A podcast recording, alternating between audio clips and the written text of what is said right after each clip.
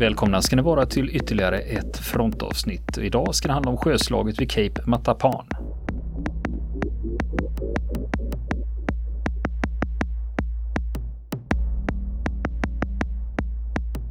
Och nu fortsätter vi berätta om slaget vid Kap Matapan. Men då under natten, i skydd av mörkret, så löper den brittiska flottan ut. Man tömmer hamnen i Alexandria och sätter full fart mot nordväst, mot eh, västra Kreta. Och Andrew Cunningham då, vem var han då? Brittiska amiralen som snart skulle möta Giacchino till sjöss. Och han var ju en erfaren sjöbuse. Jag menar brittiska flottan, världens största. Och det innebar ju liksom klichén då, seglat på de sju haven i princip.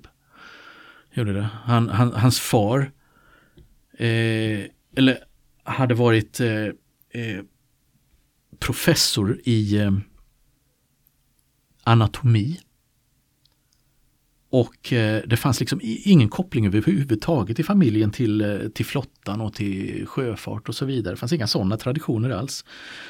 Men eh, familjen var stor och det gällde väl att planera för barnens framtid redan vid tidig ålder. Så Andrew Cunningham då som då hade vuxit upp på norra Irland. En brittisk familj då. Han gick, när han var tio år gammal så går han på en skola i Edinburgh. Och då får han ett telegram från pappan. Där det står Would you like to go into the Navy? Och sonen som egentligen inte, han hade inget större begrepp om havet och flottan var egentligen inte speciellt intresserad. Men han svarade ändå Yes, I should like to be an admiral. Lagom blygsam. Ja, precis. Så är han bara tio år gammal. Och strax efteråt där så skickas han då som tioåring då till eh, en skola som var för, avsedd då för förberedande tjänst, i, som var en förberedelse för tjänst i flottan. Då, det, var, det hette Stubbington House School och det var, kallades eh, traditionellt för flottans vagga. För där hade många framstående eh, sjöbefäl eh, gått tidigare. Och man kan ju säga som en fotnot i det här då att eh, medan, medan Andrew Cunningham blev amiral i Medelhavet så blev hans lillebror Alan Cunningham general i Nordafrika och slogs mot Rommel vid samma tid. Bara en sån sak. Framgångsrik ja, familj. Precis, precis. Så att redan före, före sekelskiftet 1900 så var han fänrik på en kryssare, eh, Andrew Cunningham. Och ute och, och, men rätt så snart så fick han gå i land igen. Och deltog som marinsoldat i boerkriget i Sydafrika. Och eh, flera stora drabbningar, bland annat vid Pretoria. Och, eh, och efter det då, två, tre år i land då, eh, som, som infanterist, så är han tillbaka ombord igen på, eh, på flottans fartyg. Och 1908 så fick han en egen torpedbåt. Och vi sa ju det här med att segla på de sju haven, ja det hade han i princip gjort. Eh, men seglade allra mest i Medelhavet. För redan, redan under första världskriget och före första världskriget så hade han, kände han Medelhavet som sin egen bakficka. Gjorde han. Eftersom han blev posterad där. Under första världskriget så var han chef för en jagare i Medelhavet då, som hette Scorpion då.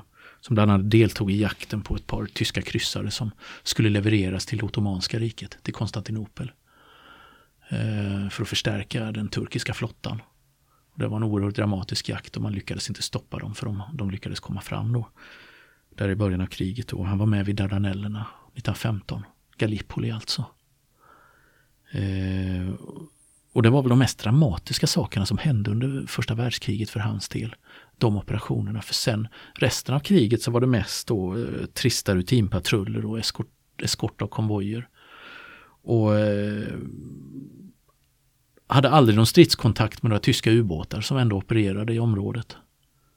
Och sånt och han sa att, eh, skrev efteråt i sina memoarer att ja, orsaken till att eh, mina konvojer klarade sig utan förluster var ren tur. Helt enkelt. Det fanns inget annat med i leken där då. Men han var ju grundligt trött på det här. Han ville ju ha action och, och det stora slaget i Nordsjön. Jutlandslaget 1916 hade inträffat hade han ju bara fått läsa om i tidningarna. Men insåg, alltså, det måste ju bli mer aktier ju närmare Tyskland jag kommer. Så han begärde förflyttning. Och fick förflyttning 1918 under de sista månaderna av kriget. Men hamnar på nya patrulluppdrag i Engelska kanalen. Utan några strider. Och eh, då på en jagare där då. Eh, men ändå så blev han dekorerad då för de eh, sina stridsinsatser i början av kriget där då. Han fick Distinguished Service Order i olika valörer. Men det, och, det verkar ju som han var lite sugen nu då. Han var ju sugen på att komma ut i strid då. Var han ju. Men, eh, men det blev ju inte så mycket av det. Sen då efter kriget då, det är ju en orolig värld. Jag menar kriget, man kan ju säga att det tog slut 1918 men ändå tog det inte slut. För att eh, det pågick ju revolutionskrig och inbördeskrig i Ryssland och eh, inbördeskrig i Finland 1918. Krigen mellan, när baltiska staterna frigjorde sig från Ryssland pågick därefter 1919, 1920, 21. Och då hade man Brit Royal Navy en flottstyrka på plats i, eh, i eh, Östersjön för att eh, assistera eh, de eh, här små staterna i kampen mot bolsjevikerna som det hette. Och eh, även då för att bevaka brittiska intressen helt enkelt i området. Och eh, då var han med där då, eh, som chef på en jagare i Östersjön under flera år. Ehm, och sen när han kom tillbaka därifrån då i början av 1922 så, eh, så fick, blev, han befäl för en hel, blev han chef för en hel jagarflottilj. Och sen steg han då i graderna, precis som sin motpart Giacchino, mer och mer då. Och eh, hamnade på olika posteringar i olika världshav. 1936, samma år som Giacchino, så blev han amiral. Och eh, även på 30-talet så är han posterad i Medelhavet på olika uppdrag. Han är, blir bland annat vice befälhavare för Medelhavsflottan. Och har ett eget flaggskepp. Hood. Som sen kommer sänkas av Bismarck 1941. Eh, I norra Atlanten.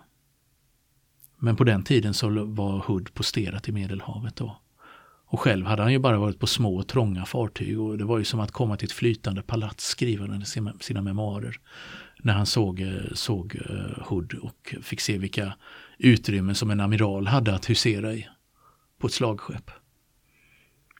Eh, så det var han klart imponerad av.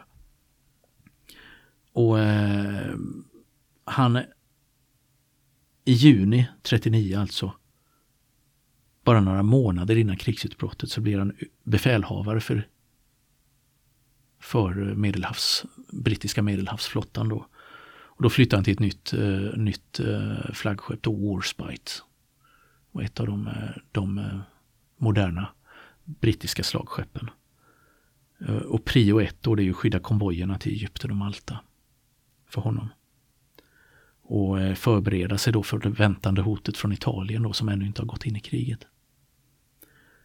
Och han gjorde vad han kunde då under den här tiden då för att hans sjöstyrka skulle vara redo.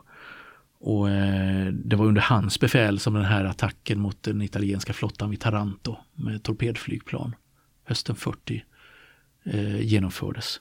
Var han hjärnan bakom det? Ja, han var eh, högste befälhavare och hjärnan bakom. Men nu är vi framme vid mars 41. Den brittiska flottan löper ut från Alexandria.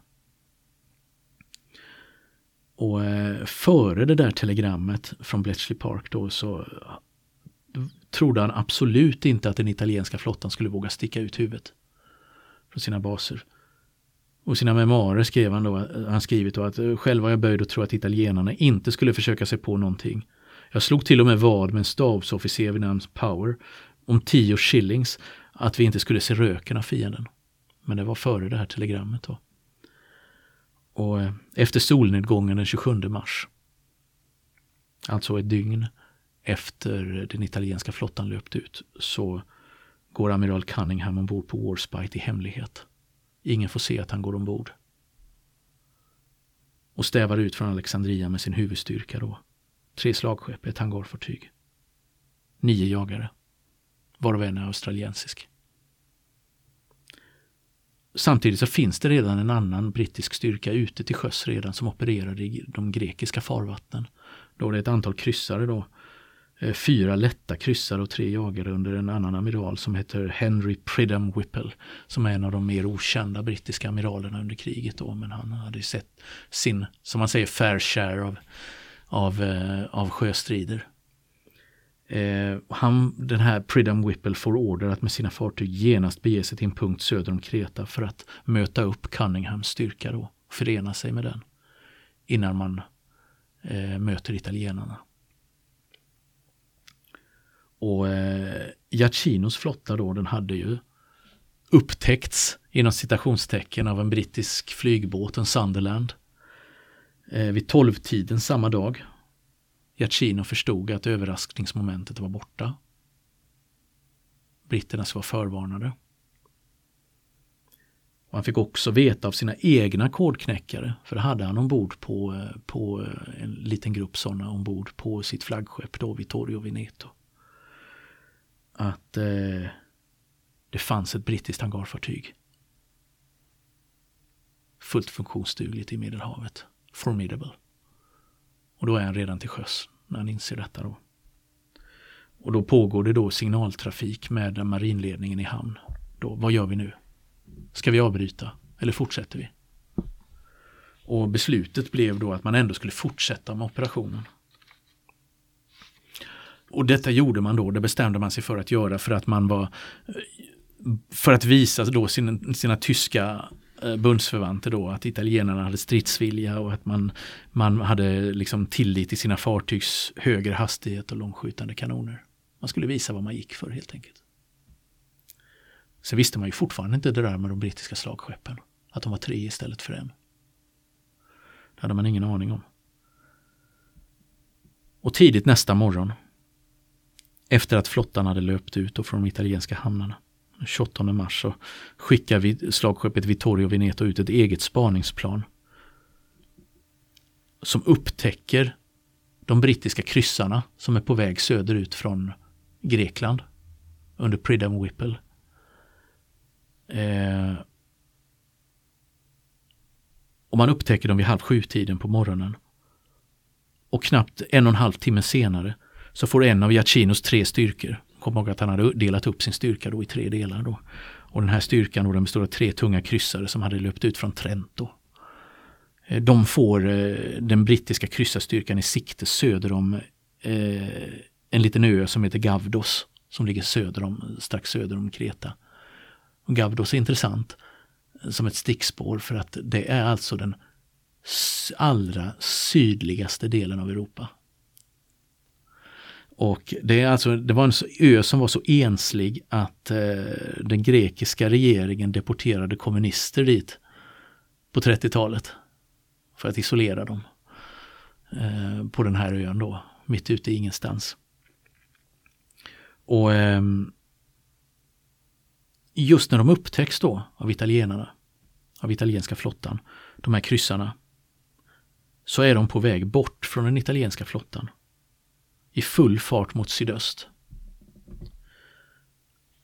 De är ju på väg för att med målet att förena sig med amiral Cunninghams styrka. Men det vet ju inte italienarna. För de tror att britterna är på flykt undan den italienska flottan. Och eftersom britterna flyr så sätter italienarna efter för att försöka hinna ifatt dem. Och eh, vid 12 minuter över åtta samma morgon så öppnar de italienska kryssarna eld på 22 000 meters avstånd. Jag, jag använder inte sjömil utan jag talar om kilometer för de flesta landkrabbor förstår det. Eller 22 000 meters håll. Eh, och de fortsätter skjuta i 43 minuter mot de brittiska kryssarna. Och man avlossar då från den, de här tre italienska kryssarna uppemot 400 granater. Men lyckas knappt träffa någonting. De italienska kryssarna de fick nämligen problem med sina avståndsmätningsinstrument som man hade. Som var lite mer, av mer primitivare slaget och de var ju inte up to date så att säga. Och bara en bara en av de brittiska kryssarna under den här tiden, jakten då, besvarar elden med tre salver men de träffar heller ingenting. då på den italienska sidan. Men de tvingar italienarna att göra lite undanmanövrer och, så de tappar fart. Men så efter en timmes förföljande så har den italienska styrkan inte lyckats minska avståndet till den brittiska styrkan. Så då, vänder de, då ger de upp och då vänder tillbaka mot nordväst för att ansluta sig till eh, Giacinos huvudstyrka. Med, med Vittorio Veneto i spetsen då. Och vad händer då? Då får britterna vittring. Pridham Whipple får vittring. Och vänder och följer efter i haserna på italienarna. På maxavstånd. För att hålla sig utanför eh, skotthåll. Ja, skotthåll helt enkelt. Ja. Och Amiral Giacchino, han eh, lät dem komma närmare. För han hoppades lura dem så nära att hans slagskepps kanoner skulle kunna göra verkan. Och Pridham Whipple var ju inte invigd i telegrammet från Bletchley Park. Så han hade ju ingen aning om att, den italienska, att det fanns ett italienskt slagskepp i närheten. Utan han trodde det var tre italienska kryssare ja, som han var ute efter. Ja, exakt. Känns igen lite grann från slaget vid Jutland 1916. Då, och i Nordsjön. Den här jakten fram och tillbaka mellan förtrupperna. Och de brittiska kryssarna, de hade ju ingen aning om det här då. För de hade ju inte fått the memo då, de hade inte fått informationen då om att det, det, vad som var görningen och att den italienska flottan var i antågande.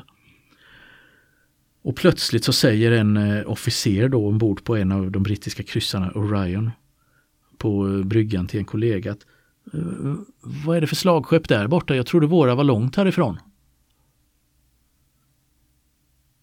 Och då är det ju fullt blås. Då är klockan nästan elva. Fem minuter i elva. Då hade de kommit, brittiska kryssarna kommit inom skotthåll för Vittorio Venetos äh, tunga artilleri. Och slagskeppet öppnar eld på 23 000 meters håll. Och man avlossar i 29 salver sammanlagt 94 granater. Och de landar obehagligt nära och eh, obehagligt välriktat. Men utan att uppnå några fullträffar. Ändå. För det var en viss spridning då på, ändå på träffarna då. Och britterna de blir, de blir ombord på de här kryssarna, de blir ju överraskade. Av vad de plötsligt har framför sig. Och blir hamrade då av grova splitter från Vittorio Venetos 38 cm kanoner. Eh, ställde inte till med några allvarliga skador men det blev mer än skråmor i lacken om man säger så. Och de får inga förluster ombord i manskap heller. Och kryssarna gör helt om, vänder om snabbt och drar sig tillbaka utom skotthåll. Och under den här striden då så får Vittorio Veneto egna problem för 11 granater fastnade i eldrören i kanontornen. Där. Så att man har problem där med att eh, få ut dem också och kan inte skjuta med alla kanoner samtidigt. Um, under tiden som det här sker så är ju Cunninghams styrka från Alexandria på väg då mot stridsområdet för full maskin. Och amiralen, han har under tiden tänkt få full valuta för sitt hangarfartyg. Cunningham alltså.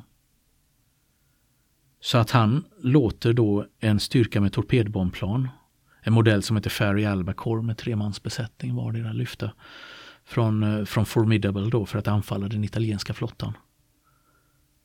Och eh, de koncentrerar sig då mot flaggskeppet Vittorio Veneto. Men lyckas inte träffa med någon av sina torpeder. Då, ut, på grund av eh, den, eh, den hårda luftvärnselden. Och, eh, men de tvingar ändå de italienska fartygen att göra undan manövrer så de hade svårt att förfölja britterna. De brittiska kryssarna.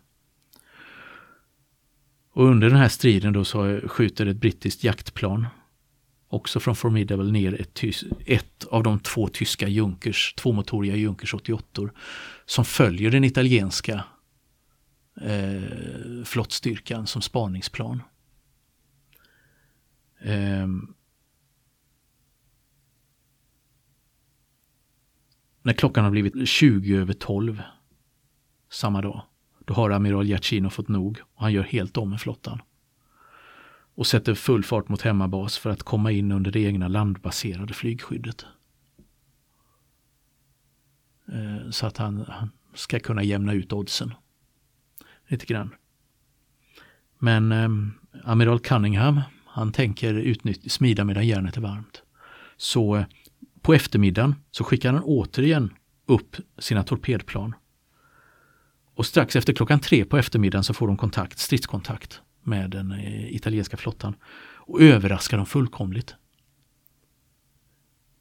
Jag vet inte om de hade utkikare, eh, hade missat eh, och inte var på sin vakt, utkikarna eller eller om man helt enkelt hade kommit in på så låg höjd att man inte hade blivit observerade. För att ett av de brittiska piloterna, han hette John Daliel Steed, han lyckas flyga sin långsamma Albacore så nära som tusen meter från Vittorio Veneto. Innan han släppte torpeden som träffar yttre babords propeller och gör även hål i skrovet så att över 4000 ton vatten strömmar in. Och fartyget eh, börjar ligga lågt i vattnet på ena sidan då. Och man har problem då att begränsa skadorna och det är full aktivitet ombord. Och eh, det påverkar ju hastigheten naturligtvis på slagskeppet. Piloten då, Dal han var alldeles för nära slagskeppet. För när luftvärnet vaknar så blir han omedelbart nedskjuten och hela besättningen på tre, tre man omkommer. Ehm. och Giacchino han slår stopp i maskin på slagskeppet medan skadorna repareras och begränsas ombord. Och eh, det dröjer till kvart i fem då, det är alltså en och en halv timme ungefär då efter att torpederna träffat. Så, eh, så har man fått igång eller ly lyckats fixa det provisoriskt. De värsta, värsta skadorna och kan sätta igång igen med reducerad hastighet mot hemmahamn. Och borta på Warspite så får amiral Cunningham en rapport om träffen på Vittorio Veneto och påbörjar ett ännu mer beslutsamt förföljande då av den italienska flottstyrkan. Och på kvällen så sätter han in det, tre, beordrar det tredje flyganfallet mot den italienska flottan. Då är det sex Albacores och två swordfishplan som lyfter från hangarfartyget. Plus två, ytterligare två swordfishplan som har lyft från en bas på Kreta. Och eh, de slår till klockan 19.36 och det är ett anfall som varar i 14 minuter innan det är över. Amiral Giacinos utkikar såg de komma den här gången. Nu är de på sin vakt. I skymningsljuset då. Och man tog till alla motåtgärder man hade. Man manövrerar. Man lägger ut rökridåer. Man använder sökarljus för att lokalisera och blända de fientliga piloterna. Och så en massiv luftvärnseld från alla eldrör. Allt för att skydda slagskeppet Vittorio Veneto som är då en av den största tillgången då i, på, på den, eh, på den eh, italienska sidan då. Den ska skyddas till varje pris. Och man lyckas också hindra att Vittorio Veneto fick ytterligare skador. Hon är ju långsam vid det här laget då, när hon linkar hem till hemmahamnen då. Men ändå så lyckas man hindra att några torpeder träffar. Men en av torpederna träffar en av de eh, tunga kryssarna, Pola. Och den slår ut, träffar, torpeden slår ut fem av ångpannorna och huvudångledningen ombord. Vilket gör att skeppet ligger still som en lam anka i vattnet. Och elektriciteten är borta ombord. Så hon ligger helt orörlig. Och eh, fortfarande har Giacchino ingen aning om att eh, Cunninghams slagskepp förföljer honom. Och, så han beordrar en av sina kryssarstyrkor då att, och några jagare att vända tillbaka och assistera Paula. Antingen boxera eller eh, skydda henne medan reparationerna pågick. Och bland de här då som återvänder eh, från huvudstyrkan för att, eh, för att undsätta Paula så är systerfartygen då Sara och Fiume. Och det här är några av de modernaste enheterna man har då på den italienska sidan. Och på grund av kommunikationsmissar så tog det en hel timme från att orden gavs till att kryssarna började verkställa den. Så tiden gick och britterna hann närma sig ännu mer. Och under tiden så fortsätter Vittorio Veneto och resten av flottan i riktning mot Taranto. Och under tiden då på den brittiska sidan. Kvart över åtta på kvällen så fångar en av de brittiska kryssarna, återigen Orion, som vi hörde talas om tidigare, upp ett stort radareko på babords sida. Det verkar vara ett stort skepp som ligger helt stilla i vattnet. Åtta kilometer åt babord. Det här var ju pålar då, men det visste man inte på den brittiska sidan. Och nästa vecka fortsätter vi prata om slaget vid Kap Matapan. Vill ni komma i kontakt med oss så kan ni göra det via vår Facebook-sida som heter Fronten. Det är inga problem för er att leta er fram där. Eller också så mejlar ni på vår mejladress och det är frontenpodcastgmail.com.